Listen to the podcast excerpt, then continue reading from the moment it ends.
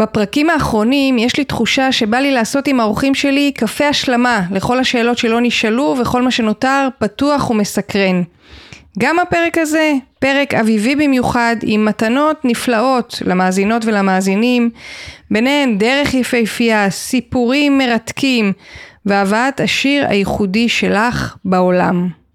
אני רוצה לגלות לכם שהדבר שהכי מקרב אנשים לרעיונות, הוא שמישהו שהם אוהבים ומעריכים, מספר להם עליהם. ככה זה עם הספר החדש שלי, לשחות את הים, וככה עם הפודקאסט הזה. אז אם אתם מאזינים ואוהבים, והוא מעיף לכם את הסכך והגרביים, כמו שטאווה אמרה פה, תעבירו אותו הלאה כדי להרחיב את מעגלי הלב וההשפעה. פרק 51 בפודקאסט סיפור ירוק בחסות עמותת שינוי אקלים, פתיח ועפנו. אתם מאזינים לסיפור ירוק, אנשים, סביבה, השראה. כאן נפגוש יזמי אקולוגיה מרתקים שהובילו מאבק, הגו רעיון או חוללו שינוי. נהיה בצד של התקווה וההשראה. נתעורר כולנו לאחריות, אכפתיות ושמירה על העולם. אני מאיה הודרן, סופרת, מטפלת בכתיבה, מרצה ופעילה סביבתית, ובאתי להרים אותנו עם סיפור ירוק, פודקאסט אקולוגי אופטימי במיוחד. אז היי, לטאווה גורן חיטין, שתדבר איתנו היום על שמונת המגינים. היי מאיה. מה העניינים? הכל טוב? מתרגשת. אוקיי. okay. בטח הרבה אנשים לא יודעים בכלל מה זה שמונת המגינים, אז בואי נתחיל מלהסביר. גם אני אמ, לא אגב, כאילו אמרתי מלא אנשים, גם כן. אני. אמ, זה באמת אה, משהו שהוא קצת קשה להסביר, כי זה קצת uh, כמו להסביר שהשמש זורחת כל בוקר ושוקעת כל ערב, אה, או להסביר לדג שהוא בתוך מים, אבל זה איזשהו מודל שפותח על ידי איש בשם ג'ון יאנג, שהוא מודל חיבור. ששמענו על האיש הזה מ... אורי ארד, בפרק כן. על שפת הציפורים. כן, שפת הציפורים זה בהחלט חלק מהמודל הזה. אולי אני צריכה לספר קצת על מי זה ג'ון יאנג, כדי שיהיה אפשר להבין את המודל. ג'ון יאנג, בחור אמריקאי, שגדל בתקופה שעוד אה, ילדים שיחקו הרבה בחוץ, היה פחות פחד כזה לשמור על הילדים כמה שיותר קרוב, כמה שיותר בבית, עוד אה, אופניים זרוקים על המדשאות, עוד ילדים היו פשוט רצים החוצה, האימהות היו, הוא מתאר את זה שהיה מקובל שהאימהות צועקות לזרוק על הילדים צלי מהבית, ת, תפסיק אה, להסתובב בין הרגליים, והם היו יוצאים ו... והולכים אה, להסתובב בחבורות בטבע ש, שבחוץ, ומי שהיה פעם בפרברים של ארצות הברית, במקרה שלו ניו ג'רזי, אז יש שם הרבה טבע. כאילו הטבע הוא ממש, אה, הוא ממש מחוץ לבית. גם זה אולי לא הייתי רוצה להגיד, כי הטבע הוא בכל מקום. כן. אבל um, הוא גדל עם אהבה מאוד מאוד גדולה uh, למה שקורה סביבו, והתמזל מזלו, ובערך בגיל שבע, זה סיפור שלם שאני לא אכנס אליו, אבל בערך uh, בגיל שבע הוא התחבר עם uh, איש שקוראים לו תום בראון. שהיה אז בגילאי ה-20 שלו, והם התחילו יחסי חברות כאלה. הגשש הזה? הגשש, כן, הם התחילו יחסי אה, חברות שהתבססו על האהבה המשותפת שלהם לטבע. שבעצם מבחינת אה, תום בראון היו ממש יחסים של אה, חניכה. או מנטורין, למרות שקשה להגיד מנטורין בארץ כי זה ישר מתקשר לעניינים עסקיים, אבל גם חניכה הרבה פעמים מתקשר לכל מיני טקסים וזה יותר אולי מה שנקרא חינוך, אבל ברמה העמוקה והגבוהה שלו. או כמו שוליה כזה, לא? אה, לא כל כך, הוא בעיקר היה שואל אותו שאלות. אחד הסיפורים המצחיקים זה שכשג'ון יאנג גדל והפך להיות איש, באיזשהו שלב תום בראון אמר לו שהוא רוצה לפתוח בית ספר, ואז ג'ון שאל אותו, אבל מה תלמד? כי מבחינת אה, ג'ון יאנג, בתור ילד, תום רק שאל אותו שאלות וג'ון הסביר לו על העולם. Hmm. ומה שהופך אותו למנטור מאוד מאוד טוב מבחינתי. כי הוא לא היה, זה לא היה מורגש, זה לא היה אני המורה ש, שמלמד אותך ומחנך אותך, אלא אני מסתקרן יחד איתך. כן. ובעצם ג'ון אה, עבר ילדות שהיא מאוד מיוחדת בזה שהיה איתו עוד אנשים סביבו, במיוחד אה, תום, אבל גם הסבתות שלו, של ג'ון, שממש עודדו את ה... הסקרנות שלו ואת אהבת הטבע שלו ואת הסקרנות שלו לגבי איך העולם עובד. כשג'ון יאנג אה, גדל והיה צריך לבחור מה לעשות כשהוא יהיה גדול, הוא אמר אה, אוקיי אני רוצה להמשיך ולעשות את מה שאני הכי אוהב, והלך אה, ללמוד בעצם natural history שזה מה שלומדים כדי להיות חוקרי טבע, זה לא משנה שרובם לא מגיעים להיות חוקרי טבע. הוא היה באיזושהי ציפייה שהוא ילך ללמוד וכל האנשים יהיו כמוהו, ואז הוא בעצם גילה שם שרוב האנשים גם אלה שהם אוהבי טבע וסקרני טבע, לא גדלו עם ההיכרות עם גששות, כלומר כן הייתה היכרות אקדמאית, היכרות של, של ספרים, של מחקר, של כל מיני דברים כאלה, אבל לא עם מיומנויות חיים של ציידים לקטים. כלומר לא עם גששות, לא עם שפת הציפורים, לא עם uh, ממקור ראשון, איך אני משתמשת בצמחים שמסביבי בשביל רפואה, בשביל מאכל, איך אני מסתכלת על אה, תנאי השטח מסביבי כאילו אני חלק מהם. וגם משהו תמ... אוטודידקטי כזה. גם אוטודידקטי למרות שאת זה יש הרבה גם ב... באקדמיה כאילו בלימודים הדידקטיים. אבל יש שם משהו של חוויה ממקור ראשון שלי כחלק מהטבע שהיה לו ולהרבה מהחברים שלו ללימודים לא וגם על זה יש סיפורים מאוד מאוד יפים. אחד הדברים שאני הכי אוהבת זה שג'ון יאנג הוא מספר סיפורים מדהים ואני ממש מזמינה ומציעה אה, לחפש אותו בגוגל ולשמוע הרצאות שלו, הוא, הוא מספר סיפורים אדיר. ובעצם זה בשבילי רגע שהוא משמעותי כי זה מין רגע כזה של משבר או של חוויה של פער מהתפיסה שלי שאני גדלתי או שג'ון יאנג גדל בצורה מסוימת ואז הוא רואה בעצם שזה אחרת מכל העולם. ויש משהו ברגע הזה של המשבר או של הפער או של ההרגשה של החוסר שאני חושבת שהוא משותף אה, להרבה אנשים. נכון. רגע שהוא מעורר אותנו להביא את המתנה שלנו לעולם.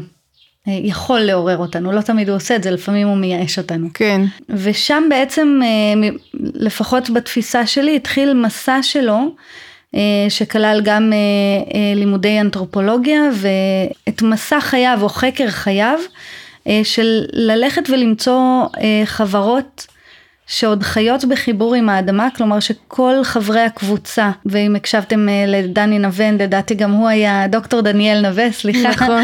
לדעתי גם הוא היה פה, אז הוא אה, לימד אותנו שלא קוראים לזה שבט אלא קבוצה. כן, אה, וגם, אז... וגם חשבתי עליו כשדיברת, כי... גם הוא מדבר על לא להסתכל על הטבע כמין אה, מתבונן מבחוץ, כן. אלא, אלא להיות בתוכו. יש הבדל ממש ממש גדול בין הדרך שבה לדעתי רובנו גדלנו, של להסתכל על הטבע גם מי, מי מאיתנו שמאוד סקרן לגבי מה קורה שם, כשם, כמשהו אחר, כמשהו נפרד, לבין החוויה הזאת של אני כחלק מכל המארג הזה. אה, שקורה. רוב האנשים שעוסקים בתחום קוראים לדבר הזה חיבור. אה, שעוד נדבר הרבה על העניין הזה של חיבור, כי, כי זה הדבר שאותי מוביל, כל הסיפור הזה. אני חושבת שהניתוק והחיבור הם מאוד קשורים אחד בשני, כלומר התחושה הזאת של הניתוק אה, הרבה פעמים גורמת לנו אה, להשתוקק יותר ולחפש יותר את אמר, החיבור.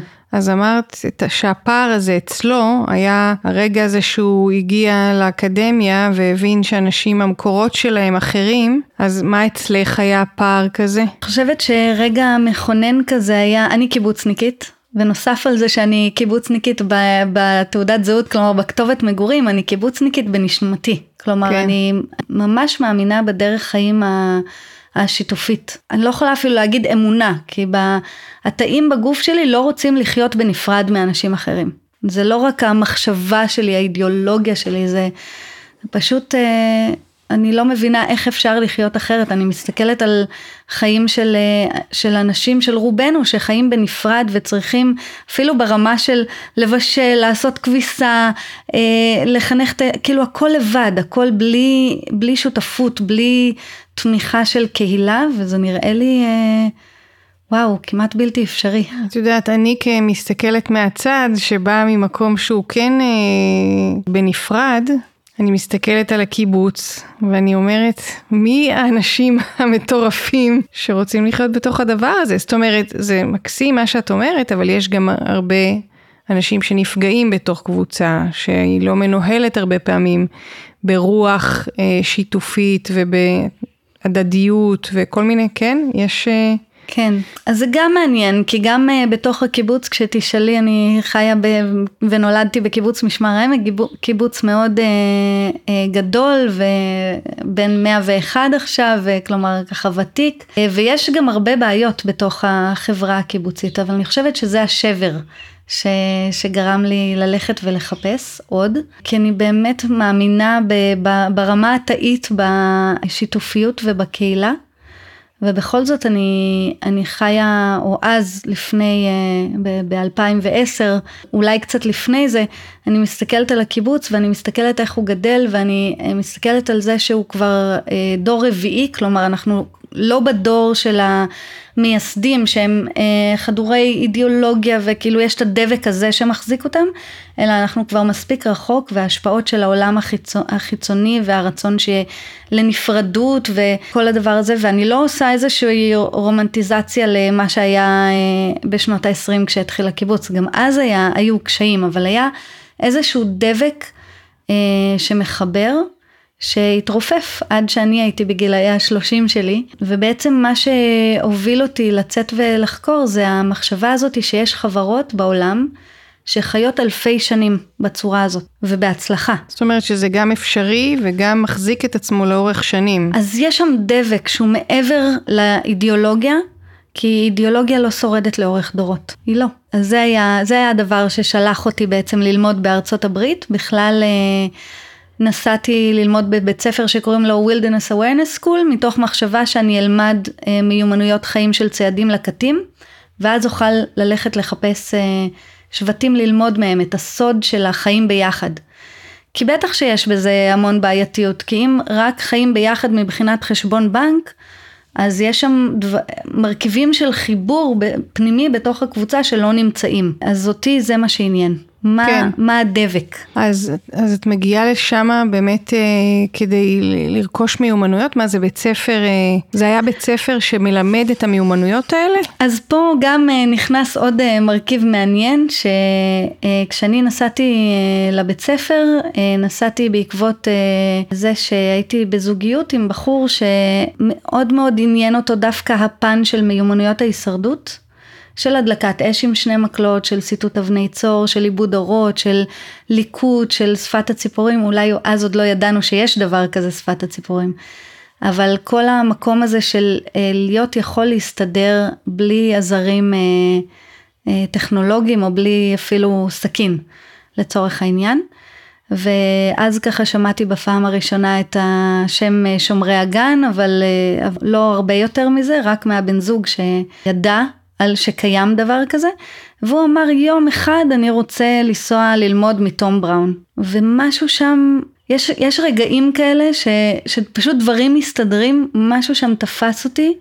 ואמרתי למה יום אחד עכשיו ותוך בירור אה, לא נסענו לבית ספר של תום בראון בגלל שאין שם אה, אפשרות ללימודים אה, ארוכי טווח בגלל זה הגענו לבית ספר של ג'ון יאנג שהוא בעצם התלמיד של, ג'ון, של uh, תום בראון ששם בעצם יש אפשרות לתוכנית של, uh, של תשעה חודשים עם ויזת סטודנט ואפשרות להערכה אחר כך. Uh, ואת האמת שזה הרגיש לי כל כך מדויק כנגד כל ההיגיון, כלומר הייתי כבר, היה לי מקצוע, היה לי קליניקה, הייתי מורה לפלדנקרז ורפלקסולוגית, היו לי קבוצות, הייתי על רגע לפני להתקבל לחברות בקיבוץ, וזה פשוט הרגיש כל כך נכון ומדויק, שתוך חצי שנה קיפלנו את הכל ונסענו לארצות הברית. ביחד. ביחד. ואת האמת שאפילו לא התעמקתי מאוד בקריאה על הבית ספר. פשוט היה שם משהו שהרגיש כן זה הדבר שאני צריכה לעשות. בלי שהיה הרבה יותר מדי שכל אה, מעורב בעניין. כן, ידעת. כן, הייתה איזו ידיעה פנימית כזאת שאני לא יכולה להסביר אותה, זה לא משהו שאני לא פועלת ככה ביום יום שלי, כלומר אני כן בן אדם מאוד מחושב בדרך כלל, אבל כן יש רגעים שאני פשוט יודעת. אז תשעה חודשים היית שם? זהו, אז הגעתי, הגעתי ללימודים בבית ספר מתוך מחשבה שאני ארכוש מיומנויות אה, חיים שיאפשרו לי ללכת ובעצם שיהיה סיכוי שאיזושהי קבוצה כזאת שעדיין חיה אה, בחיבור גם לטבע או לעולם וגם אחד לשני וגם אה, כל אחד לעצמו, אה, יקבלו אותי בכלל, כי אם אני באה, לא יודעת אפילו אה, להדליק אש או, או לא יודעת מה, לדאוג לעצמי, אז למה שמישהו ירצה לקחת אל תוך הקבוצה שלו יצור כזה, אה, תינוקת בגיל 30 ומשהו. Mm-hmm. ואז בעצם בבית ספר גיליתי שהם מתעסקים בהרבה יותר מרק אה, מיומנויות הישרדות, גם הם צוחקים על זה הרבה שם, שכתוב מיומנויות אה, הישרדות כי זה הדבר שמושך אנשים, ובאמת מתעסקים שם עם מיומנויות הישרדות, אבל אם, אם קוראים באמת את, אה, את מה שכתוב שם, זה חיבור, חיבור לסביבה.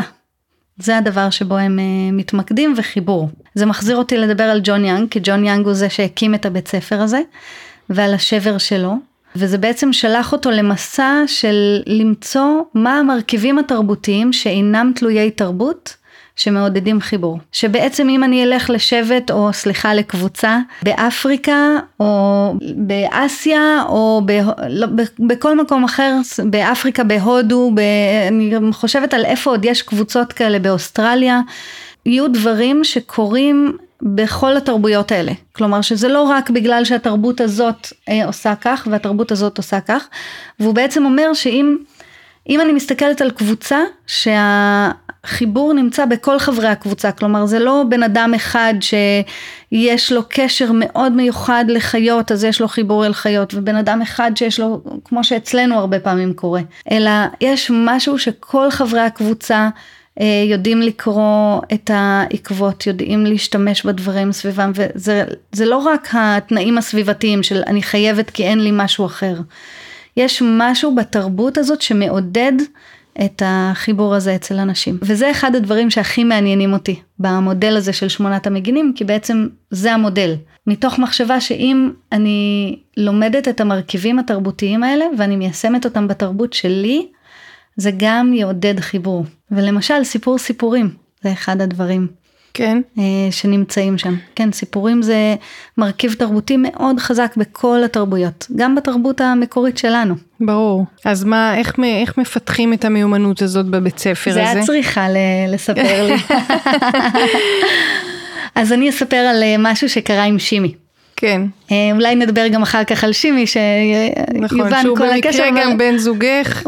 מאוד במקרה גם אה, בן זוגי, וממש, אה, אני לא יכולה להגיד שזה, טוב, עכשיו זה כבר יחסית בתחילת היחסים שלנו, אבל זה היה אחרי כבר כמה שנים שהיינו ביחד. אני הייתי בכזה חודש שלישי של ההיריון של הבת הראשונה שלנו, וזוג חברים מהבית ספר שם התחתנו. זוג ששניהם היו איתי באותה... באותה כיתה או באותה קבוצה אה, ב-2010 שלמדנו. רגע, אבל הייתם שם, הייתם בקשר? כן, כן, האנשים שלמדתי איתם שם, החוויות המשותפות שעברנו הן כל כך חזקות שגם אם לא דיברנו איתם עכשיו, אה, לא דיברתי איתם עכשיו שנים, עדיין יש לנו המון במשותף, והשניים הספציפיים האלה הייתי בקשר איתם אה, לאורך השנים. זה אנשים מכל העולם. אה, כן, השניים הספציפיים האלה הם אמריקאים. אבל uh, שניהם היו באותה קבוצה והם uh, uh, התחתנו. וזה גרם לזה שגם אני ארצה לבוא לחתונה שלהם כי שניהם חברים מאוד טובים שלי אבל גם היה, זה היה כמו ריוניון קטן. הרבה אנשים שהיו איתנו בקבוצה הגיעו לחתונה שלהם. אז בעצם אני ושימי נסענו לארצות הברית לחודשיים. כשבתוך החודשיים האלה גם היה החתונה שלהם, שמאוד עזרתי להם גם בהפקה שלה, וגם אמרנו כבר אנחנו נוסעים לארצות הברית, אז יאללה בוא, בוא נעשה מזה משהו מועיל. ככה שווה, מועיל אה, להרבה כיוונים. אז גם uh, נרשמנו uh, לתוכנית שקוראים לה Art of Mentoring, שזה שבוע ש...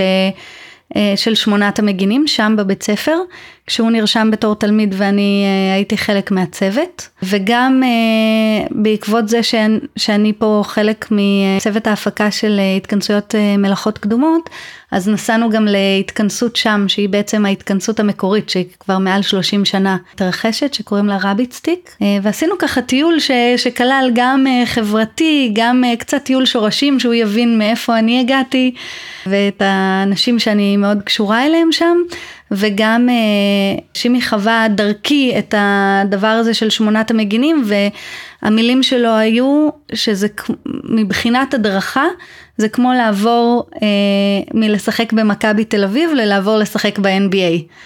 וזה אחרי שהוא 20 שנה אה, מדריך אה, ככה מלא. היינו שם בתוכנית הזאת של ה-Art of Mentoring, ומה שהוא סיפר זה שבפעם הראשונה שמישהו סיפר סיפור, הוא במחשבה שלו זה היה, אה, זה מספר הסיפורים. זה ה... תמיד בכל קבוצה יש את הבן אדם, לפחות בן אדם אחד שהוא ממש טוב או ממש מקצועי בלספר סיפורים. ואז הבן אדם השני התחיל לספר סיפור אחרי כמה ימים, וגם הוא היה מספר הסיפורים. וכך כל בן אדם שהתחיל לספר סיפור, היה מספר סיפורים ממש טוב. וזה עורר את הסקרנות של שימי בדיוק לאותו דבר. מה קורה שם שגורם לזה שכולם מספרי סיפורים כל כך טובים. וזה אולי צריכה, אולי צריכה לשאול את שימי.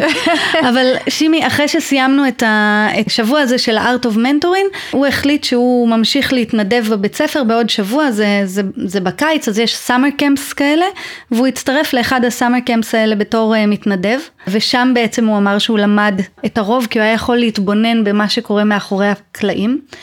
והוא ראה שגם עצם זה שכל הזמן מספרים סיפורים, וזה שבסופו של כל יום מזמינים את כל המשתתפים לספר סיפורים, ובתוך האנשים שכבר אה, נמצאים בתוך המודל הזה הרבה זמן, הרמה של הסיפור סיפורים היא גבוהה, זה גורם גם לילדים שעכשיו רק שבוע בתוך הסאמר קמפס, להגדיל או, או לקבל דוגמאות לאיך מספרים סיפור. כן. וכך הם מתאמנים על זה. וזה כן. בעצם אה, מובנה בתוך איך שאנחנו מתנהלים ביום יום. כן, מאוד פשוט. מאוד וה, פשוט. ועובר דרך הקשבה. כל הזמן אתה מקשיב לסיפורים, ואז אתה גם יודע אולי... לשכלל את הניסוח של הסיפורים שלך. כן. אני חושבת שזה הקסם של כל מה שקורה נגיד במעגלי שיח, בקבוצות של למידה טיפולית, חברתית. כן, כן, זה הדבר שקורה שם. את יודעת, אה, דיברתי על מרכיבים אה, תרבותיים שמעודדים חיבור. אז בכל תרבות יש אה, את המקומות שבהם אנחנו שמים את הדגש. למשל, לפני כמה ימים הבת הגדולה שלנו, זאת שאז הייתי בהיריון איתה, יער, שהיא בת שש עכשיו, היא באה ואומרת לי בגאווה, אמא, אני כבר יודעת לעשות הכל בטלפון שלך. מבחינתה הכל זה לפתוח את הטלפון ולהתקשר לסבתא. אמ, ואז שאלתי אותה כזה בפליאה, וואו, איך למדת? אז היא אמרה לי, פשוט הסתכלתי איך אתם עושים, וכך אנחנו לומדים. מחיקוי. מהתבוננות על איך אנשים, אז אם אני נמצאת בתוך חברה שמספרים בה סיפורים כל הזמן, אז הרמה של הסיפור סיפורים שלי או היכולת שלי זה אפילו יותר מסיפור סיפורים. אם בתוך סיפור הסיפורים אני ממש אה, נכנסת לתיאור landscape של המקום שבו קרה, של הדרך אל המקום ש, שבו קרה הסיפור, אז אני גם מלמדת סיפור דרך תוך כדי זה. כי אני שמתי לב לעץ הגבוה שהיה בדרך, או השיח ב, שהוא בצורת אה, יד מצביעה, או כל הדברים האלה שמלמדים ילדים גם, או את כולנו, גם uh, את המיומנות הזאת של מיפוי וסיפור דרך. כן, מקסים. ואני עדיין שואלת את עצמי, עוד לא הבנתי מה זה שמונת המגינים. אוקיי, okay, אז שמונת... אני גם לוקחת בחשבון שיכול להיות שכל הפרק לא בעצם כן. אני לא יודעת, ואולי גם כל חיי, אני לא יודעת. אז אולי לשחרר את זה פשוט. אז, אז יש את מאיפה שמונת המגינים מגיע, וגם, שמונת המגינים זה מודל שהוא בעצם אוסף את כל המרכיבים התרבותיים האלה. אה, שמעודדים חיבור, הבנתי, כמו גששות, אז... כמו שפת הציפורים, כמו סיפור סיפורים, כמו חיבור לשושלת שלנו ועוד ועוד ועוד ועוד. זה מאגד את זה למין מפה כזאת שקוראים לזה שמונת המגינים. אה, מגן זה תרגום של שילד והרעיון הוא לא של משהו שהוא מגן עלינו, אלא מגן שהוא סמל, כמו שיש למשפחות המלוכה באנגליה או לשבטים שלנו, שבטי ישראל, לכל שבט כן. יש מגן עם כן. אוסף של סמלים שבעצם אם עוד היינו מחוברים, או אלה מאיתנו שעוד מחוברים, האוסף של הסמלים הוא מספר לנו סיפור. כן. שכולל בתוכו מה, מה האפיון של השבט הזה. אז שמונת המגינים זה שמונת הכיוונים, צפון, דרום, מזרח, מערב והכיווני ביניים, שכל אחד מהם זה, זה בעצם ייצוג למגוון איכויות שונות והדרך שלי להשתמש בהם היום זה גם למיפוי של אה, תהליך בקבוצה, גם כשאני בונה אה, קורס או אני בונה יום של קורס אז אני משתמשת ב... אז אני יכולה להשתמש בזה גם בעבודה בתוך צוות לפי המודל אה, הזה גם ביכולת שלי להסתכל על קבוצה ועל התהליכים שקורים בתוך קבוצה. על התהליכים שקורים בתוך עצמי. לספר לך עכשיו לפרק את מה זה שמונת המגינים זה מאוד מאוד רחב, אבל אני יכולה להגיד שיש איכות שהיא משותפת למזרח ולרגע ביום שבו זורחת השמש.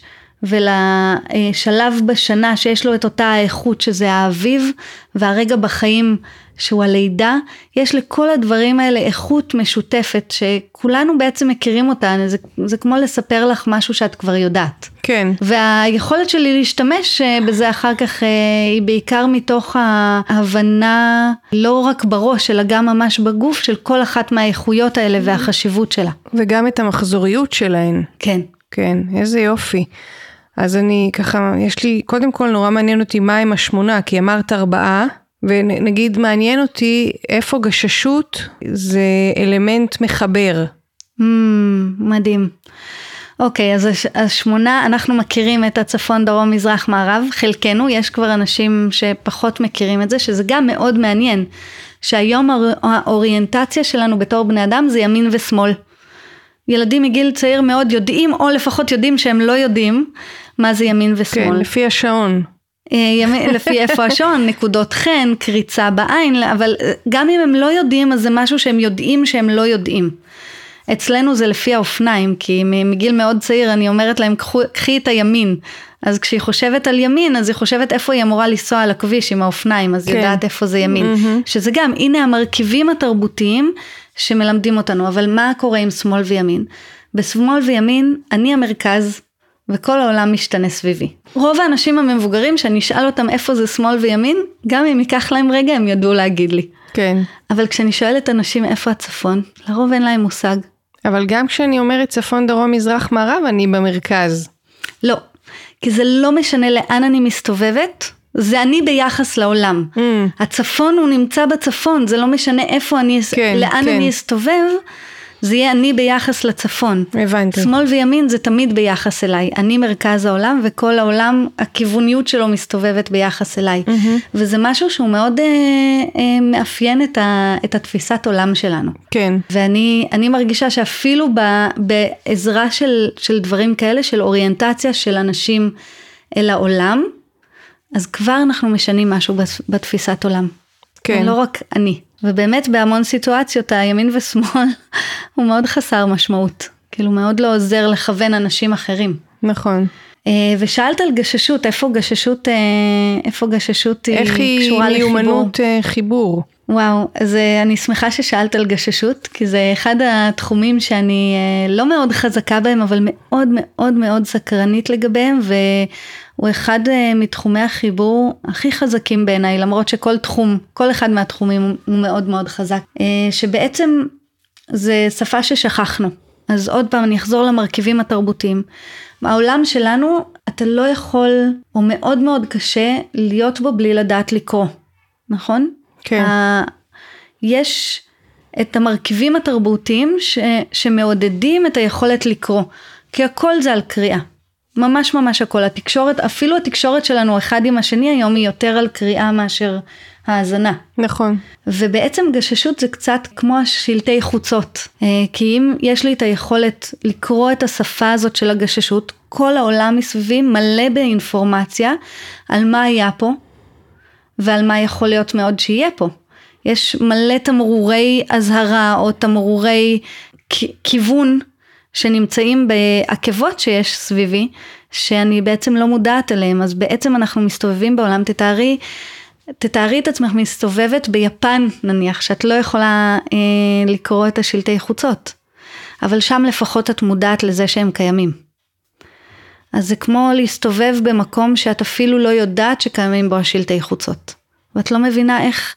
איך הכל קורה מסביבך, אבל אנחנו אפילו לא מבינים שאנחנו לא מבינים איך הכל קורה סביבנו. קצת מזכיר לי את ה... יש אה, סיפור בספר של שימי, שלקחתי אותו גם אה, לספר שלי, על האיש והמקרר, שהוא יושב אה, בחדר עם מקרר מלא, אבל הוא לא יודע שיש שם אוכל ושאת הקופסה הלבנה הזאת אפשר לפתוח, כן. ושהוא יוכל לסבוע. כן. כמשל לזה שאנחנו מסתובבים בחוץ והכל מסביב מלא אוכל. מלא אוכל.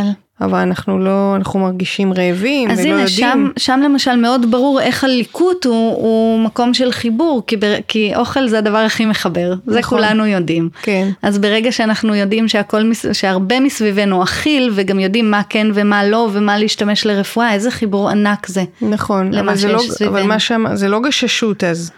אבל גששות זה, אה, זה לדעת אה, מי מסתובב פה.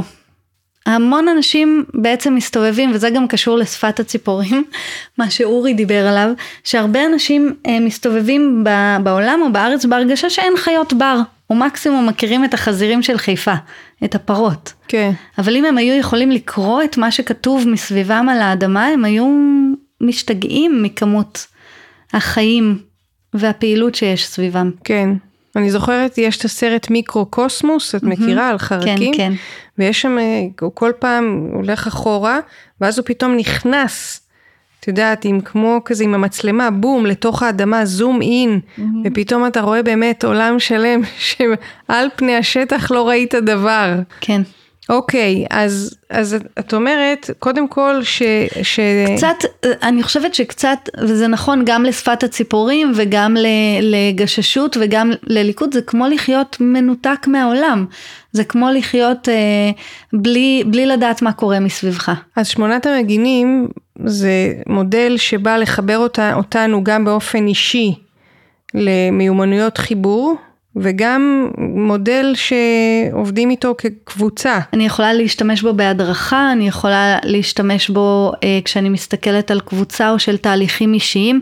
זה בעצם מודל שמסתכל על, אה, על תהליכים פשוט שקורים בעולם, והם קורים גם בעולם החיצון, כמו זריחה ושקיעה או כמו העונות, גם בתוכנו, גם בתוך קבוצה, ויש משהו שהוא משותף. זה לא, אני לא מתייחסת על זה כדת, כככה זה, ואני אכפה את זה על המציאות, אלא יש את המציאות ויש לי את המודל הזה, ואני רוצה לנסות לראות, למשל, אה, הרבה פעמים קורה אה, שאני עובדת אה, עם צוות, אבל אנשים עושים משהו שהוא במאמץ להם, או החיבור בין האנשים בתוך הצוות הוא משהו שם לא עובד.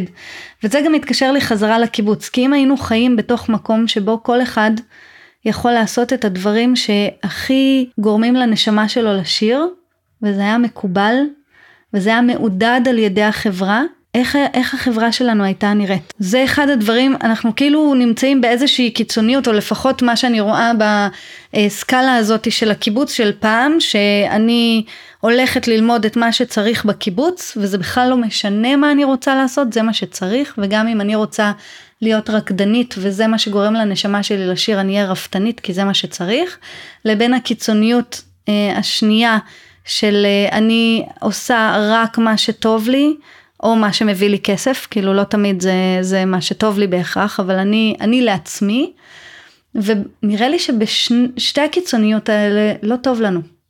ולא טוב, לא טוב לנו וההשפעה שלנו על החברה ועל העולם היא לא מיטיבה. אז ו... היום את חושבת שאת מביאה לתוך חיי הקיבוץ שלך, איך את עושה את המיזוג בפערים שבין הרצון שלך להיות, לשיר את השיר שלך בתוך חברה קיבוצית, עם כל הידע גם שאת מביאה על קבוצות ועל...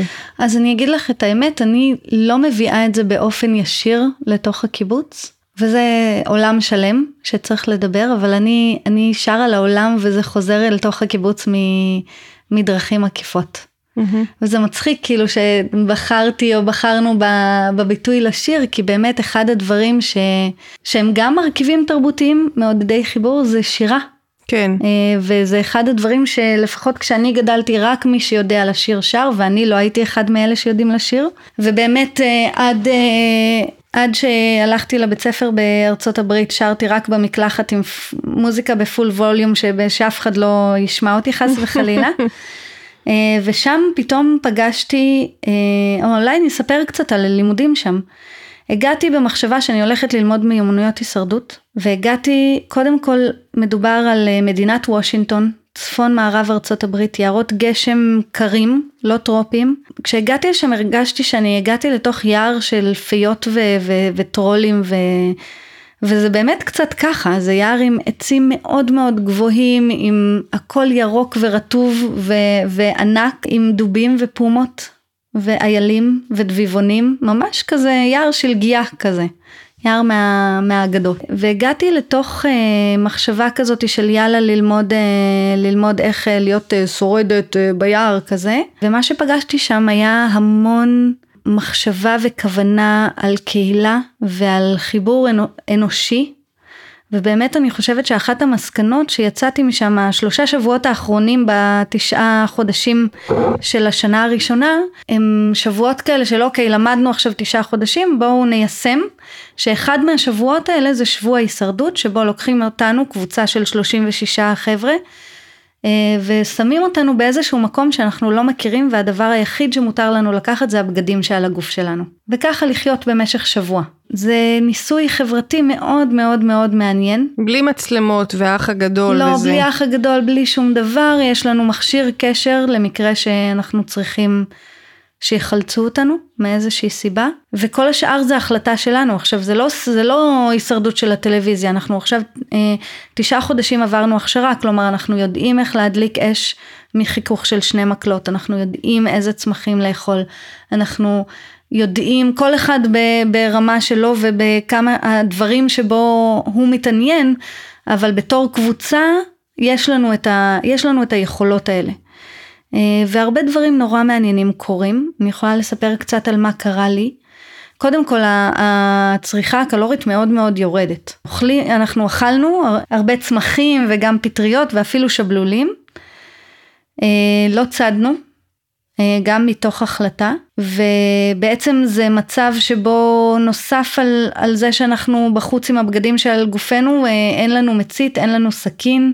אין לנו מחסה, הכל צריך לעשות uh, מההתחלה ויורד גשם רוב הזמן. ואחד הדברים המאוד מעניינים שקרו לי שם, זה שראיתי שברגע שנכנס פחות אוכל, נכנסת פחות אנרגיה, הדבר הראשון שקורה זה שהפטפוט האינסופי שיש בראש נפסק. וואו. כן, זה ממש חזק. זה היה אולי אחת החוויות הכי חזקות ש... שיצאתי איתה משם, גם במחשבה הזאתי על ה... אה, תרבות השפע שאנחנו נמצאים בה, על העודף הקלורי המטורף שאני מאוד שמחה עליו, אל תביני אותי לא נכון, אני ממש אוהבת אוכל ושמחה שיש לי שפע ממנו, ושיש שם גם אה, דברים מדהימים כמו היכולת שלנו, אה, היכולת שלנו לחשוב, אני יכולה להגיד שהרמה של השקט שהיה שם זה זה שכשאני רוצה ללכת נניח לעשות פיפי, אז זה ממש כזה בלי מילים אבל תכנון שקט של המסלול או של כמה אני באמת צריכה להתרחק, כלומר יש שם שקט מאוד מאוד גדול שנכנס אבל גם המחשבות שלי הולכות באמת רק לדברים שאני צריכה. אז אני חושבת שהעודף הקלורי באמת נתן לנו את האפשרות לחשוב אה, הרבה יותר מזה, אבל מצד שני הוא גם מכניס אה, הרבה קשקשת. כי זה גם כל הזמן, זה לא רק שאני רעבה. כל הזמן.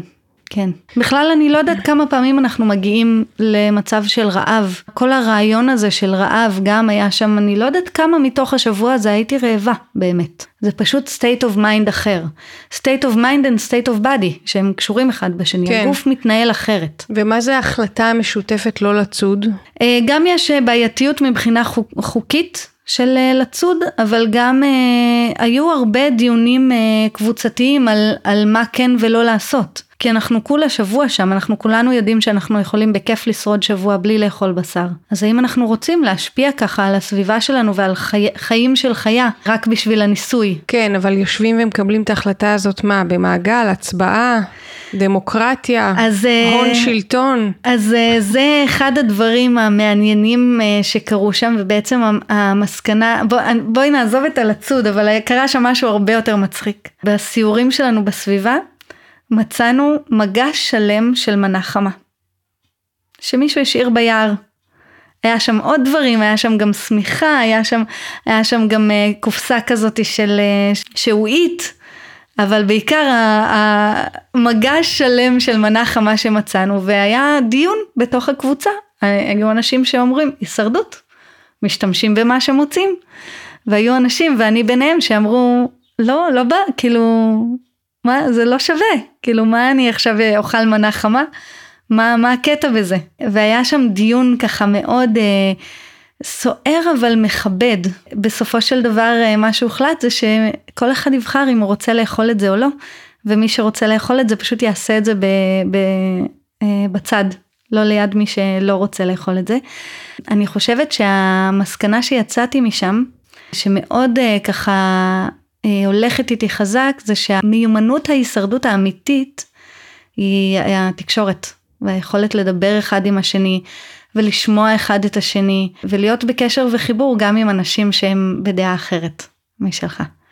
אני חושבת שזה מאוד אקטואלי להיום. כן, וגם בפרק של אורי ארד שהוא סיפר שהם עשו הכנה של איזה חמישה חודשים ליציאה לשטח, אבל הדבר האחרון שהם אה, לא התעסקו איתו היה העניין של התקשורת ביניהם ולכן זה התפוצץ. כן, וזה עוד אחד הדברים שבעיניי מאוד מייחדים את הבית ספר הזה, שיש את הדבר שקוראים לו סוציופט נטרליסט.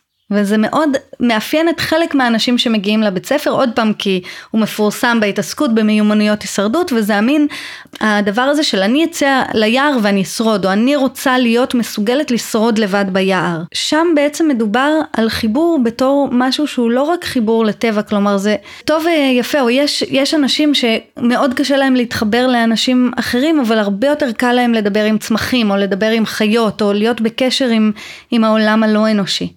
ושם מדובר על להגדיל את היכולת חיבור שלי עם כולם, כולל עם עצמי. ובתוך המודל הזה, עבודה על כל הרבדים האלה. גם על הידע שלי, של הסביבה, שהוא מגדיל את היכולת שלי להתחבר איתה, אבל לא, זה לא בהכרח אומר שידע שווה חיבור, ממש לא בהכרח. אה, גם את היכולת שלי להתחבר עם מרכיבים מסביבי שהם לא אנושיים, אבל גם את היכולת שלי לחיבור והקשבה אה, לאנשים לזולת. ולעצמי. כן. ולעצמי, שזה אהמ. גם מאוד מאוד חשוב. ואני חושבת שכשבאמת צוללים, ואני חושבת שגם אורי נגע בזה לא מעט, שצוללים אל אה, חיבור, זה מאוד אה, משקף גם את ה landscape הפנימי. אוקיי, אז את מסיימת את, ה, את הקורס הזה אחרי השבוע ההישרדות שעבר בהצלחה. היה שם עוד כל מיני דברים חוץ מהשבוע ההישרדות שחלקם יותר קיצוניים אבל אני לא אכנס לזה. מה תגידי? לא, אז באמת תלכו ללמוד בבית ספר הזה. לא, תני משהו קיצוני אחד. אחד הדברים שהתעסקנו בהם במשך השנה כחלק ממיומנויות ההישרדות זה התגנבות והסוואה. שזה מאוד אה, משמעותי בשהייה בחוץ. גם ברצון שלי לפגוש חיות בר, את החיות הביישניות יותר, אז אני צריכה אה, להיות מסוגלת להיטמע ממש בסביבה. ואגב, יש התגנבות והסוואה אה, או מיומנויות הסוואה אה, ביער ויש מיומנויות הסוואה גם בעיר, כלומר הרבה מאנשי היער כשהם אה, באים לעיר הם מאוד מאוד בולטים בנוכחותם והאיכות כן. האמיתית היא לדעת להלך בכל העולמות, בחיבור והתאמה. אז אני רק אגיד שגם עם זה היה לנו לא מעט דברים שעשינו. מיומנויות ההתגנבות וההסוואה, אה, כמובן באופן שמכבד את, אה, את הסביבה שלנו. לא התגנבנו על אנשים אה, מסכנים ביער, אלא יותר אחד על השני. אבל אחרי שהסתיימה השנה הראשונה, בעצם נשארתי לשנה נוספת, שזה שנה של להיות שוליה, או apprenticeship, מה, ש, מה שנקרא. ובשנה הזאת בעצם הפכתי להיות חלק מהצוות הדרכה. אה, ואני יכולה להגיד שהבית ספר הזה הוא לא בית ספר לשמונת המגינים, זה בית ספר לחיבור עם הסביבה, שעובד ב- לפי מודל שמונת המגינים, ונוגעים בו בהרבה מאוד מיומנויות אה, אה, חיים. לכל אחד יש אה, מיומנות, מיומנויות או סט מיומנויות אחרות שתופסות אותו. אז היו אנשים שיצאו משם, נדלקו על שפת הציפורים ונכנסו ממש לעומק של שפת הציפורים. והיו אנשים שהדלקת אש או בניית מחסות או, או ערבוב של כל מיני סטים כאלה של אה, מיומנויות מאוד מאוד הדליק אותם והם אה, המשיכו והתמקצעו והתמקדו בזה. אותי גם מהרקע שסיפרתי לך למה הגעתי בכלל לבית ספר, מה שמאוד עניין זה המודל הזה. בעצם הגעתי לשם ומה ש... איך אומרים, העיף לי את הסכך והגרביים באותו זמן, זה הקסם של איך הם מלמדים את הדברים. ובעקבות זה אני נדלקתי על המודל הזה וחקרתי אותו לעומק, ובעצם ביליתי עוד שנתיים בבית ספר כחלק מצוות ההדרכה, מה שגרם לזה שאני אתנסה בשימוש הפרקטי במודל הזה בתוך הדרכה.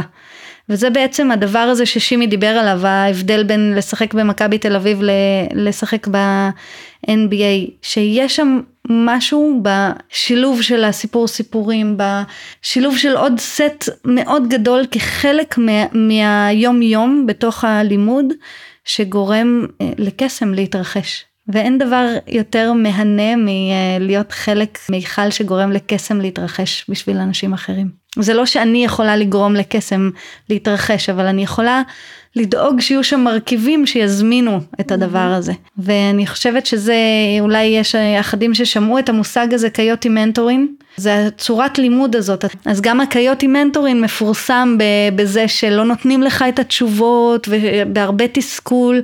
אם אה, בשיטת חינוך שאני גדלתי עליה ושהיא עד עכשיו הרווחת, למורה יש את כל התשובות. והילדים אה, או האנשים שלומדים, מתחנכים, צריכים להגיע לרמה שהם יודעים את התשובות שהמורה כבר יודע, והוא נותן להם והם צריכים אה, אה, להקיא אותם. אז השיטת חינוך של הקיוטי עובדת לא על... אני המטרה שלי שתגיעי למקום מסוים שאני יודעת איפה הוא ואני הולכת להוביל אותך שם כי אני יודעת יותר טוב ממך, אלא היא שואלת מי את ומה מעניין אותך ופותחת דלתות. למשל עם, עם הציפורים זה הרבה פעמים קורה, שאנשים שואלים מי זאת הציפור ואז אני אומרת אה זה ירגזי, טלאק, סגרתי את המגירה. במקרה הטוב בפעם הבאה שהבן אדם יראה את הציפור הזאת הוא יגיד אה זה ירגזי. במקרה הגרוע הוא לא יזכור את זה, זה מה שקורה רוב הזמן, אבל בכל מקרה סגרתי דלת של חיבור, כי עכשיו כן. יש לי את השם על הציפור, וזהו, אני לא יודעת מי היא, אני לא יודעת מה היא. העניין הסתיים. זהו, כן, סגרתי את הסקרנות. ובקיוטי מנטורין אני לא סוגרת את הסקרנות, וזה מקום שהוא הרבה יותר קשה לעבוד איתו, כי גם שם, אם אני יותר מדי הולכת לכיוון של הלא לתת את התשובה, זה יכול להרגיש מתנשא, זה יכול להרגיש אה, לא נעים. אז יש שם ממש את העבודה עם הקו הדק של הסקרנות וגבול הנוחות של כל אחד, ואצל כל אחד הוא שונה. כן. ואני חושבת שזה מה ש... זה חלק ממה שהופך את הדבר הזה לקסם כל כך גדול. ועוד אחד הדברים, הרבה פעמים אומרים שב coyote mentoring עושים טריקים לאנשים, כי ה coyote הוא, הוא זה חיה. זה שועל ערבות שבעצם בארכיטיפ שלו הוא קצת כמו במסורת שלנו השועל. הוא ה trickster הזה, הוא זה שלא תמיד אומר את האמת, אבל... מערער את המציאות. שם עליה סימן שאלה. כן.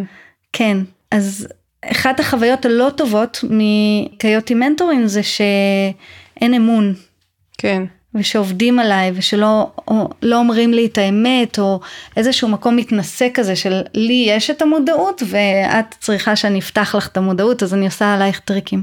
ומבחינתי הקיוטי מנטורין זה פשוט להשאיר או לבנות איזשהו, איזשהו סינריו שייתן לקסם להיכנס זה לא אני עושה טריקים אני אף פעם לא עושה טריקים לאנשים. אני פשוט אשאיר רווחים של, של uh, חוסר ידיעה, גם שלי, רווחים של חוסר ביטחון, שלא ככה עושים את זה, זה התבנית, אלא זה יותר מרווח, ואז קסם יכול להיכנס שם, ואז מי שאת יכול להיכנס שם, ואת יכולה להביא דברים שאני ב... הכי טוב שלי לא הייתי יכולה לחשוב עליהם, כי זאת את. אז בעצם אה, סיימת את השלוש שנים שם עם הידע הזה, עם, ה, עם המיומנות הזאת של הקיוטי, נכון? סיימתי את השלוש שנים שם עם תחושה של אני לא יודעת שום דבר, עם סקרנות מאוד מאוד גדולה לגבי המודל הזה והיכולת, וקצת ניסיון, ניסיון של שלוש, של שנתיים בעצם של יישום פרקטי של המודל הזה, ובעצם הייתי אמורה להישאר לעבוד למשך עוד uh, שנה, ממש לעבוד כחלק מהצוות, לא בתור עוזרת הדרכה, אלא כחלק מהצוות. ובגלל עניינים של ויזה שלא היה ברור אם אני באמת יכולה לקבל את ויזת העבודה לתשעה חודשים או רק לחצי שנה החלטתי אה, לוותר על ההזדמנות הזאת ולחזור לארץ. וואו. כן, זה גם היה החלטה כזאת של, אה, של ידיעה פנימית, שהיה לי מאוד קשה להחליט אותה, כי מאוד רציתי, אה, זה, זה גם זכות מאוד מאוד גדולה בעיניי אה, לעבוד שם, והיו שני בתי ספר שעובדים בצורה כזאת, כזאת שכבר הייתה לי בהם משרה בעצם, אבל יש גם משהו בתוך התהליך הזה של תשעה חודשים, הייתי אמורה לעבוד עם ילדים, ש, שהוא תהליך. ולא יכולתי לחיות אה, ביושרה עם עצמי, עם חוסר הידיעה שאני יכולה להשלים איתם את התהליך. כלומר שיש סיכוי שאחרי חצי שנה אני אצטרך לעזוב את הקבוצה. כן. ואז בעצם תוך חודשיים הייתי, נגמרה לי הוויזה, הייתי צריכה לחסל את החיים שלי שם ולחזור לארץ. ואני חושבת שאחד הדברים, שאלת אותי קודם על הכיוונים, כי אמרנו צפון, דרום, מזרח, מערב, ואמרת אבל איפה עוד ארבעה? כן. אז אה, זה מחזיר אותי לשם. כי מאוד ברור לנו הצפון דרום ומזרח מערב אבל יש ביניהם עוד כיוונים. יש אה, דרום מזרח, צפון מזרח, דרום מערב, צפון מערב והאיכות של הכיוונים הזאת היא איכות של מעבר. וזה באמת משהו שבתרבות שלנו אנחנו הרבה פחות שמים אליו לב. כלומר, יש את, אני עכשיו בארצות הברית ועכשיו אני בישראל. יש את, המחשב, את המכשפה מהצפון, ובאמת, אה, אצל דורותי. כן. כן, ויש גם את הביניים שם, mm. המעברים. אז שם בתוך, ה, בתוך המודל אני חושבת שאחד הדברים שהרגשתי שהכי קיבלתי במתנה זה את הכבוד למעברים. ואז uh, הבנתי שתוך חודשיים אני צריכה לחסל את החיים שלי שם ולחזור לישראל. ואמרתי יאללה קיבלתי את ההחלטה הזאת יאללה כבוד למעברים. בוא נעשה את המעבר באמת מעבר נשהה במעבר לא רק נהיה אוקיי סיימתי פה עכשיו אני הולכת לשם. ואז uh, בעצם לקחתי את החודשיים הבאים כדי לסגור את כל העניינים שלי, לגמור את הסלים שלא סיימתי, לאבד את האורות שלו שעוד uh, מחכים לי לאיבוד, uh, להיפרד מאנשים, להיפרד ממקומות, להכין מתנות להביא לארץ ככה, לטייל בארצות הברית כי בעצם כל הזמן הייתי בלימודים או, או uh, בהתנדבות במחנות קיץ ולא טיילתי בכלל בארצות הברית אז ככה יצאתי לטיול של, של כמה שבועות. וגם בדרך חזרה לארץ זה היה, אני עוד לא מחפשת מה אני עושה בארץ.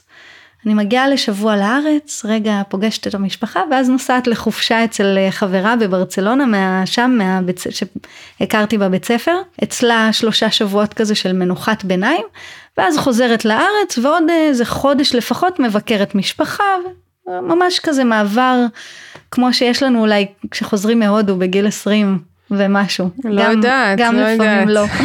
לא. גם לפעמים לא, אבל ממש עשיתי מעבר טוב. ואמרתי אחרי עוד איזה חודש של הסתובבויות בארץ, אז אני אתחיל לחפש מה אני עושה. אה, זה היה ממש מהלך קסום, שמה שקרה בו זה שכשהייתי בברצלונה אצל החברה, אצל ויקטוריה, קיבלתי אימייל וטלפון. טלפון אחד מאחותי, שאמרה לי, יש עבודה שתפורה עלייך, בארץ את חייבת להגיש אה, מועמדות, וזה היה לעבוד בנירים, בכפר הנוער נירים, שמטפל בנוער קצה דרך שטח. יש שם, היה פרויקט חדש שנקרא שירת הים, שזה פרויקט אה, שעובד עם נערות. והדבר השני שקיבלתי זה אימייל מאיזה אחד שלא שמעתי עליו אף פעם, לא הכרתי אותו, קוראים לו אורי ארד. אה, שכתב לי אה, משהו בסגנון של הייתי בארצות הברית ושמעתי עלייך, אני רוצה לעשות התכנסויות של מלאכות קדומות בארץ, את רוצה לעשות את זה איתי? וכתבתי לו מין כזה, אחר כך הוא אמר לי שזה היה אימייל מאוד מייבש, כתבתי לו כן בטח אני בברצלונה בוא נדבר כשאני אחזור לארץ. ובאמת כשחזרתי לארץ תוך יומיים היה לי הרעיון בנירים והתחלתי לעבוד שם. וואו. ו... ושם גם תוך כדי אה, פגשתי את אה, אורי וסיפרתי לו על המודל ועל ג'ון יאנג ו... הוא בטח הכיר את ג'ון יאנג לפני זה, אבל סיפרתי לו כזה מאוד בהתלהבות, זה ממש הייתה, הייתי, הייתי שם בנירים, אז נפגשנו על חוף הים בעכו וציירתי לו על החול את המודל, ונראה לי הוא לא הבין שום דבר, אבל זה היה נשמע לו מאוד מאוד מעניין. ובעצם אה, משם, משם פשוט הדרך נסללה, אם אה, דיברת על... אה, על דורותי, אז זה ממש היה דרך האבנים הצהובות. שביל האבנים, כן. ממש, שביל האבנים הצהובות. כן, שהביא אותך למה שאת עושה היום, שזה גם ההתכנסויות של אבני דרך. אז גם אני עושה את ההתכנסויות, גם אני מלמדת את העבודה במודל הזה של שמונת המגינים. באיזה גם, מסגרת? אה, של קורס שלי, כן. שנתי, שאנשים באים אה, אה, ללמוד אותו או לחוות אותו קודם, לפני ש, שלומדים אותו. אה, גם כל הצוות של, אה, של שפת הציפורים, אנחנו עובדים עם המודל הזה, כל הקורסים של, שפ, של שפת הציפורים הם במודל הזה, ההתכנסות היא גם במודל הזה, אה, וגם אני מאוד מתמקדת במשחקים, ועל זה אני צריכה להגיד תודה לשימי, כי בעצם האבן, האבן דרך הבאה ש, שקרתה זה בהתכנסות הראשונה ב-2014. ששם פגשתי את שימי, הוא היה אחד המורים, אני הייתי בצוות ההפקה של ההתכנסות, ובעצם אה, נפגשנו שם ככה, דיברנו לא יותר מזה, ואחרי איזשהו זמן אה, אה, חיפשתי שוב את הקשר לחיבור יותר עמוק בארץ. וראיתי שהוא מדריך קורס ליקוט שנתי, ואמרתי יאללה מתאים לי קורס ליקוט שנתי, התקשרתי אליו ברצון להירשם אל הקורס, אבל בחצי שנה בין אה, שהתקשרתי אליו ועד שהתחיל הקורס אה, נהיינו זוג. והוא אה, שמע ממני ומאוד נדלק על המודל הזה של, של שמונת המגינים ובעצם במקום להצטרף בתור תלמידה לקורס הצטרפתי בתור חלק מצוות ההדרכה והכנסתי לשם את ה, מה שיכולתי מהמודל. עכשיו שוב אני בתחושה אה, אז שאין לי שום, אין לי כזה איזה ידע גדול, אני רק מתחילה, אני עוד לא ממש יודעת להסביר את, ה, את המודל הזה, או אני יודעת קצת איך להשתמש בו, אבל בתוך, אה, השתמשתי בו עד עכשיו בתוך מיכל של, של אה, בית ספר שמשתמש בו כבר הרבה שנים, ופתאום אני צריכה להביא אותו אה, החוצה, לבד, כן. כאילו בלי ש... שעוד מישהו מכיר אותו, וזה בעצם שפה שלמה של, שצריך ללמוד. ו... אחד הדברים המדהימים בשימי זה שהוא נדלק על זה והוא ישר שמח עליי. ונתן לי ממש להביא את זה אה, לתוך הקורס, למרות שהוא עוד לא כל כך הבין במה מדובר, הוא רק ראה את הקסם. והוא נורא נורא נורא התלהב מהמשחקים והמעברים, הוא אמר שזה משנה את ההדרכה לחלוטין, שבמקום שייקח לי עכשיו חצי שעה לעבור ממקום אחד למקום אה, אחר, אני בכיף ותוך 30 שניות כל הקבוצה במעגל ומקשיבה לי במקום הבא שאנחנו רוצים להיות בו. וזה העניין של המשחקים והמעברים וללמוד דרך משחק אה, במקום ללמוד על צמחים לשחק משחקים שנותנים לנו חוויה עם הצמחים שזה משהו שהוא בכל מקרה עשה בקורס את הלימוד דרך חוויה, אבל היה שם עוד פן של משחקים שבעצם לא היה לו, ואני נורא נעלבתי. למה? כי זה פלח קטן משמונת המגינים. כלומר זה כאילו אני, אני אביא משהו ממש ממש גדול והוא יראה נקודה בתוך זה ויגיד זה משנה את העולם ואני מאוד נעלבתי והוא אמר משחקים ומעברים משחקים ומעברים ואני אמרתי כן אבל זה רק חלק אה, ולמזלי הוא לא הקשיב לי כמו שהוא עושה אה, הרבה פעמים. ואני חושבת שהשינוי הגדול, בעצם הדרכנו ביחד את הקורס עד אה, כמעט סוף ההיריון של הילדה השנייה שלנו. שאז זה כבר היה יותר מדי ששנינו גם נדריך וגם שתי הילדות יהיו איתנו. יער הבכורה שלנו עוד הייתה איתנו בקורסים, כלומר כל סוף שבוע שני היא בילתה אה, בליקוט עם עוד אה, הרבה אנשים אה, בקורס ליקוט, זה היה מאוד מאוד מיוחד גם בשביל האנשים שתהיה תינוקת יחד איתם, תינוקת וילדה קטנה. וגם לנו בתור משפחה וכשאריה לילי הגיע זה כבר זה כבר הפך להיות קשה להיות גם הורים דיברנו על זה לפני כן.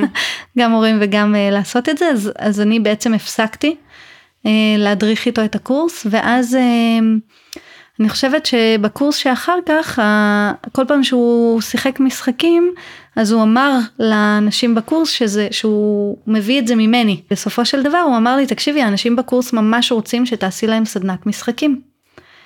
אז עשיתי להם סדנת משחקים. וזה היה מצחיק כי בסדנה הראשונה שעשיתי, שהייתה בגלל האנשים ובשביל האנשים בקורס אבל שימי כמו ששימי יודע לעשות כבר אמר לי תפתחי את זה לקהל הרחב יש לך שם פנינה את לא מבינה כמה זה גדול. אה, אני חושבת שהגיע אחד מהקורס שלו וכל השאר היו אה, אנשים אה, רנדומליים ש... כן. ובאמת אז התחלתי להבין איזה כוח יש אפילו רק בפלח הקטן הזה. משמונת המגינים ואני עושה את זה כבר די הרבה שנים. אני, אני רואה איך זה משפיע. סדנה איך, של משחקים בחוץ? זה סדנה, הס, הסדנה שהיום אני כבר לא עושה אותה, אה, שהיא הייתה משחקים לאנשי חינוך והדרכה, וזה בעצם לא סדנה של בואו תלמדו מלא משחקים, אלא זה איך לשחק עם המשחק, איך להשתמש עם המשחק אה, ללמידה, אה, להתבוננות פנימה, לחיבור. חוויה. אה, כן, כן, איך בעצם אנחנו כולנו נולדנו לשחק. ללמוד דרך משחק, mm-hmm. מעבר ללשחק. אנחנו לומדים בעוד הרבה דרכים, אבל כאילו אם תשחררי ילדים, לא תעשי איתם כלום, הם ילמדו דרך משחק. כן. אפילו החקירה היא חקירה משחקית. אז יש שם באמת המון כוח בכלי הזה של, ה- של המשחקים, וגם אה, בדברים כמו ניהול קבוצה, או איך ללכת עם ולא נגד, אני קוראת לזה הטאיצ'י של ההדרכה. כי בטאיצ'י אתה לוקח את הכוח של היריב שלך ואתה משתמש בו לאן שאתה רוצה, אז לא שהתלמידים או האנשים שאני עובדת איתם הם יריבים, אבל אם מגיעה לי קבוצה מאוד מאוד סוערת, אם אני אנסה להושיב אותם עכשיו להקשיב, מן הסתם יהיה בינינו מאבק. ואני יכולה דרך משחק לגייס לתת, אותם. גם לתת מענה לצורך וגם אה, לעשות איזשהו שיפט באנרגיה שיכול להוביל למקום שבסופו של דבר אפשר גם להקשיב. וגם יש המון, הרי אנחנו גם גדלנו על משחקים, אני אה, בתנועות, הייתי מורה חיילת, כלומר עסקתי בהדרכה לפני, אז יש, יש שימוש במשחקים, אבל תמיד היה בזה איזשהו מקום מתודה, איך אני דרך המשחק יכולה ללמד אותם את הדבר הזה שאני רוצה שהם יגיעו למסקנה שלו. זה קצת אה, מקביל לצורת אה, לימוד הזאת, לי יש את התשובה ואתם צריכים להגיע לתשובה שאני יודעת. ויש שם בעניין של המשחקים את ה, בדיוק את הריווח הזה. אני לא באמת יודעת, אני מביאה איזשהו משחק, יש לי איזושהי מחשבה, אבל אם אני סגורה למה אני רוצה שאת תלמדי מהמשחק הזה, משעמם. וגם מזהים את זה, זה ממש לא, לא נעים, המין כזה יופי, למדתם שיתוף פעולה, מכירה את זה? כן. אז, אז לא ככה. אז אם אני משאירה את הריווח הזה של הקסם, של מה קרה בו, פה במשחק, לפעמים הרווח יהיה הרבה הרבה יותר גדול. כי יגיעו דברים שבחלום הכי, הכי אה, מרחיק לכת שלי לא יכולתי לחלום שיגיעו מתוך קבוצה. אוקיי, אז, ו... אז ככה, הגעתי למשחקים. ואת זה אמרת שאת לא עושה היום, אז מה את עושה לא היום? מלמד, אני לא עושה סדנאות כאלה של יום, אני כן עושה סדנאות לצוותים חינוכיים, ויש לי קורס שנתי של uh, שימוש במשחקים לאנשי חינוך והדרכה, ופשוט מפגשי משחק. Mm-hmm. באחת ההתכנסויות האלה שאני עסוקה בהפקה שלהם אז אני לא יכולה ללמד שם, זה, אני לא יכולה להתפנות לזה, אבל ראיתי שחסר משחקיות. ואז התחלתי לעשות משחקים למבוגרים בלבד, כי יש שם גם הרבה ילדים, והילדים משחקים לא מעט. וקרה שם קסם, גם כי הילדים ממש התמרמרו על זה שהיה אסור להם לשחק. אז מה שקרה זה חבורה של מבוגרים שמשחקים. ברגע שילד נכנס לתוך משחק המבוגרים כבר מתנהגים אחרת, כי הם, צר... הם בתפקיד. הם... וברגע שאין שם ילדים זה רק מבוגרים, המבוגרים הופכים להיות ילדים. אז חבורה של מבוגרים שמשחקים כמו ילדים וחבורה של ילדים מסביב מסתכלים בפה פעור, גם על המבוגרים שלהם משחקים כמו שהם לא ראו אותם משחקים מעולם, משחקים כמו תופסת ומחבואים, כאילו בוורסיות קצת שונות, אבל משחקים כאלה, ו, ולראות את, את מה זה עושה לילדים, לראות את המבוגרים משחקים ולראות מה קורה שם. Mm-hmm. אז uh, משם התחילה ההשראה שלי. אני uh, חושבת, התחלנו מהפער, ואיזה פער זה היום, שילדים מסתכלים על המבוגרים ורואים אותם הרבה מאוד רציניים, במתח, נוקשים בפנים, במחשבה, כן, כן ופתאום לראות את האיטוליות הזאת, כן. משהו רך, מחוייך. שמח. כן, ולא רק זה, כאילו כשמבוגרים משחקים אז עולים המון דברים. יכולים לעלות גם uh, תכנים uh, לא פשוטים. כן. וזה מבורך, אני חושבת שזה אחד הדברים המבורכים במשחקים. אז יש גם uh, ליגה למשחקי יער, שזה פשוט בואו לשחק. נפגשים פעם בחודש ביער ומשחקים. מקסים.